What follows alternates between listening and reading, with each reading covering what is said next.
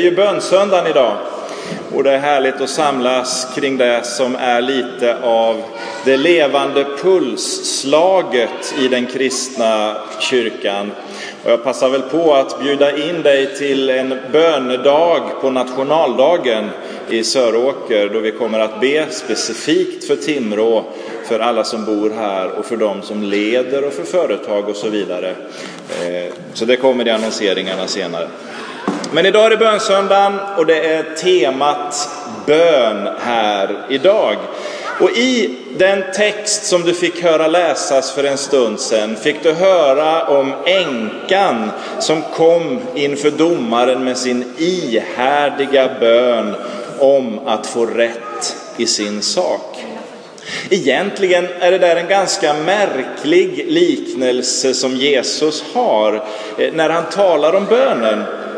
Men jag tycker att det finns en trefaldig lärdom som vi kan ha när vi ser eh, vad Jesus säger. Det första är att vi behöver vara klara över att Gud hör bön. Det andra är att vi uppmanas att vara hängivna i vår bön. Men också då för det tredje, frågan är när Jesus kommer tillbaka, kommer han att finna den tro och den attityd som han uppmanar att vi ska ha? Att be, ja det är inte alltid så lätt. Det finns ingen funktion i att ha en magisk bön som man lätt faktiskt kan falla in i. Att sitta där med frälsarkransen eller rosenkransen och bedja böner, ja det kan förvisso skapa en god vana och rutin. Men det är ju inte för de många ordens skull som vi får bönesvar. Ja, så säger Jesus på ett annat ställe när han undervisar om bönen. Nej, Bönen ligger på ett helt annat plan. Och jag kan känna en viss samhörighet med lärjungarna när de kommer till Jesus. Det är inte för att fråga om hjälp att driva ut de onda andarna eller predika. Nej, deras vädjan till Jesus är Herre, lär oss att be. Bön har alltid varit viktigt för oss kristna. Jesus visade att sann, verklig bön, överlåten bön, faktiskt förvandlar situationer. Så jag brukar säga till och från sådär att bönen är något av hjärtat i vår gudsrelation. Av den enkla anledning att bönen är ett samtal som föder den djupa och den innerliga närheten som Gud vill ha med oss. I den kärlek som växer fram ur bönen lär vi känna Gud och vi konstaterar att det är att sann överlåten bön inte är något annat än kärlek. Ja, så sa kyrkofader Augustinus redan på 300-talet. Och tittar vi oss nu över axeln och börjar slå lite i våra historieböcker så upptäcker vi att bönen alltid föregår de andliga genombrotten. Tänk bara i apostlagärningarna. Lärjungarna hade hört talas om att Jesus talade om att nu skulle någonting ske när han togs upp till himlen. Så de stannade i Jerusalem och lärjungarna bad. De ropade till Gud enträget. De ropade till Gud ihärdigt om att han skulle ge dem det som han hade utlovat. De bad för staden, de bad för folket. Och jag är övertygad om att ju mer lärjungarna bad, desto större blev trycket i deras hjärtan. Fram till den stund då det fullkomligt exploderade, när den heliga andes kraft utgöts över församlingen på pingstdagen. Inte som en tillfällighet, nej, det var en direkt konsekvens och följd av att lärjungarna hade bett precis så som Jesus sa, be ihärdigt, ge inte upp. Och så bläddrar vi i våra historieböcker och ser hur det gång efter annan uppenbaras att bönen föregår andliga genombrott. Pingstväckelsens utbrott på Azusa Street i början av 1900-talet, ja det var ju inte någonting som bara hände eller damp ner. Man hade under många år legat på knä, ropat till Gud och bett med en hunger och längtan. Man brann i sina hjärtan för Herren. Man älskade Gud, man ville vara tillsammans med Fadern. Så därför bad man. Och ju mer man bad, desto mer fyllde Gud deras hjärtan med sin kärlek och en helig innerlig längtan. När evangelisten Carl Gustav Severin kom till bortersta Sovjetunionen på 1980-talet fick han vara ett redskap för att förlösa väckelsen. Och en kvinna berättade att de hade ropat till Gud i böner i tiotals år med en längtan och även om Carl Gustav inte visste om det så fanns gruppen som hade förberett hans ankomst med bön. Och så ser vi på situation efter situation och upptäcker att väckelsen och det andliga genombrottet alltid föregås av bön. Av ihärdig bön.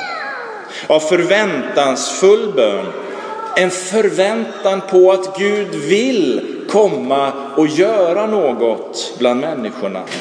Därför blir också bönen som ett slags havandeskap. I vår kärleksrelation med Gud växer och fördjupas gemenskapen och samtalet. Kraften förökas och viljan till förändring, ja faktiskt till förvandling närs av den heliga ande så till slut är det omöjligt att stå emot. Den kommande världens krafter blir förlösta.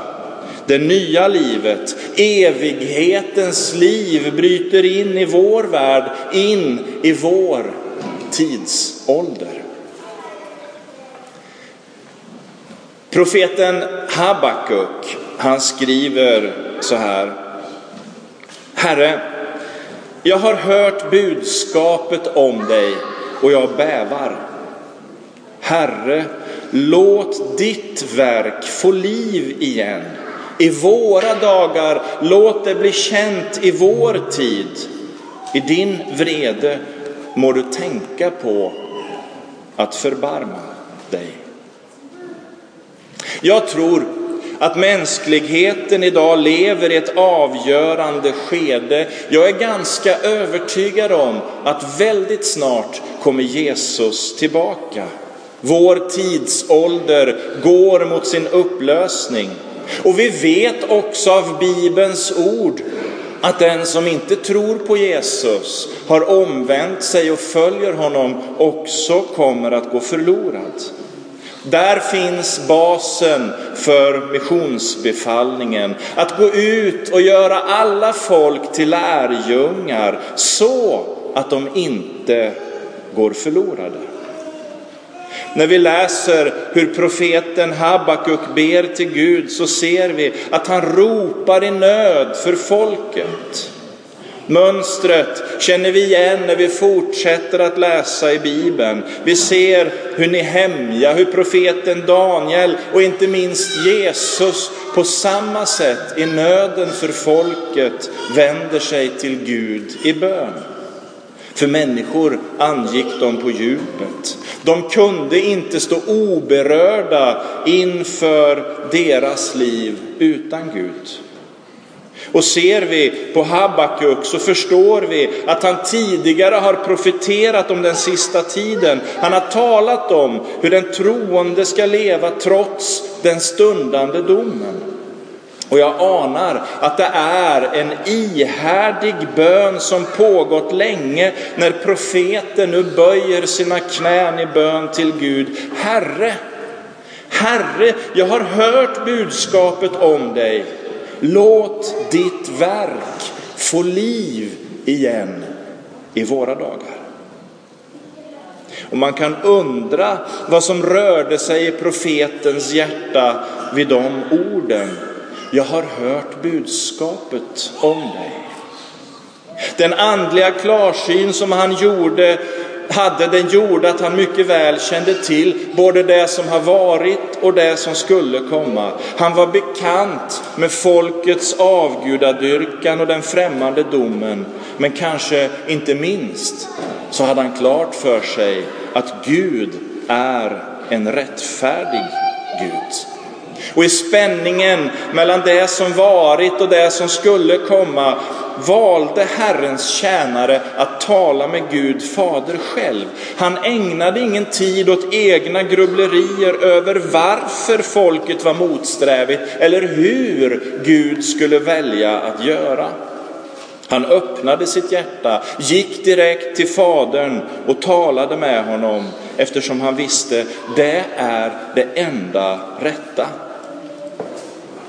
Det är samtalet med Gud som sanningen blir uppenbarad. Och det här var givetvis inte första gången de två språkades vid, profeten och Gud. Det hade de gjort många gånger och profeten hade nog vid det laget lärt känna Herren så gott man nu kan göra det som människa. Men han valde den vägen och jag tror att han gjorde det med en stor spänning och en stor förväntan. För Gud är sån. Man märker att hans vägar ofta är helt andra än de som du och jag väljer. Och inte minst, de är så ojämförligt mycket bättre. Så därför tror jag att Habakuk ber till Gud med en längtan och förväntan utifrån den kännedom han hade om Herren. Låt ditt verk, Gud, få nytt liv i våra dagar. Gud, du som i din storhet känner oss människor så väl och vet vad vi behöver. Herre, låt dig på nytt röra dig bland oss. Och så kommer vi fram till Jesus. När han oombedd undervisar om bönen i bergspredikan så finns det en klar och tydlig uppmaning ifrån honom. Rabbla inte massa ord. Sätt inte er på en hög piedestal, tro att människor ska observera er andlighet. Och vid lärjungarnas misslyckade försök att driva ut den orena anden svarar Jesus klart och tydligt, det är genom bön och fasta som det sker. Och jag förstår i de här exemplen att mästaren är ute efter någonting. Han har en anledning bakom varför han tar upp saken så som han gör. Och jag tror att det har med våra motiv att göra. I förlängningen, hur ber jag? Inte på ett mekaniskt sätt som en inövad metod. Inte med bönen som mål i sig själv. Nej, den levande bönen ligger djupare än så. Det handlar inte om jag kan be en timme om dagen, två timmar, fem timmar. Det handlar inte om att jag ber med de exakta rätta orden, helst på kanans tungomål. Det handlar inte om att jag strukturerar min bön på ett eller annat sätt. Den levande bönen ligger djupare än så. Så när Jesus undervisar om bönen visar han att det mer är fråga om relation. Han lär oss att bönen är en mötesplats där man konkret får fördjupa relationen med Gud Fader själv ansikte mot ansikte. När samtalet förs mellan mitt hjärta och Guds hjärta, ja då börjar någonting hända. När jag inte fokuserar på orden eller metoden, när jag inte krampaktigt uppslukas av vad jag helst vill att bönen ska eh, åstadkomma, utan istället njuter av att få vara med Gud Fader själv. Det är där någonting händer. I den djupa relationen vi får ha med Gud, där börjar Guds ande att verka. Och när vi kommer in i hans direkta, omedelbara närhet växer vår förväntan. Kanske inte i första hand på bönesvaren, utan snarare på hur Gud i sin nåd vill föra oss vidare framåt på ett eller på annat sätt. Habakuk visste detta. Han var fylld av bävande förväntan. Jesus ville leda sina lärjungar in i samma visshet, att bönen i första hand är relation med Gud. Inte så att vi inte kan lägga fram bönämnen och tacksägelseämnen inför honom. Det har vi all rätt att göra och det uppmanar Jesus också att vi ska göra. Men om det blir vårt fokus, då riskerar vi att gå miste om den där ljuvliga och direkta gemenskapen på djupet. Det som får oss att växa tillsammans med Herren. Därför är bönen som ett havandeskap. I den kärleksrelation som vi har med Gud växer och fördjupas vår relation och gemenskap med Gud. Kraften förökas och viljan till förändring och förvandling närs av den helige Ande så att det till slut blir omöjligt att stå emot. Den kommande världens krafter blir förlösta och det nya livet bryter in i vår tid och vår tidsålder. Och därför får vi alla stämma in i bönen. Herre, låt ditt verk få nytt liv i vår tid. Amen.